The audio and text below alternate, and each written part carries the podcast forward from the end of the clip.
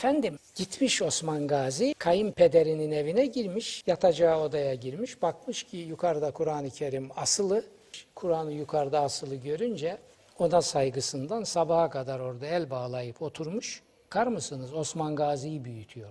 Lan böyle büyük adam olur mu? Bunun neresi büyük? Hayır Osman Gazi'ye iftira ediyorsun. Eğer girdiği zamanı görmüşse büyük adamlığı şöyle tecelli edecek. Kur'an'ı oradan indirirdi, bir miktar okurdu, feyizlenirdi, bereketlenirdi, ferahlardı. Ondan sonra da kapatırdı, koyardı bir kenara ve yatar uyurdu. Kur'an'ın ve aklın ondan istediği buydu.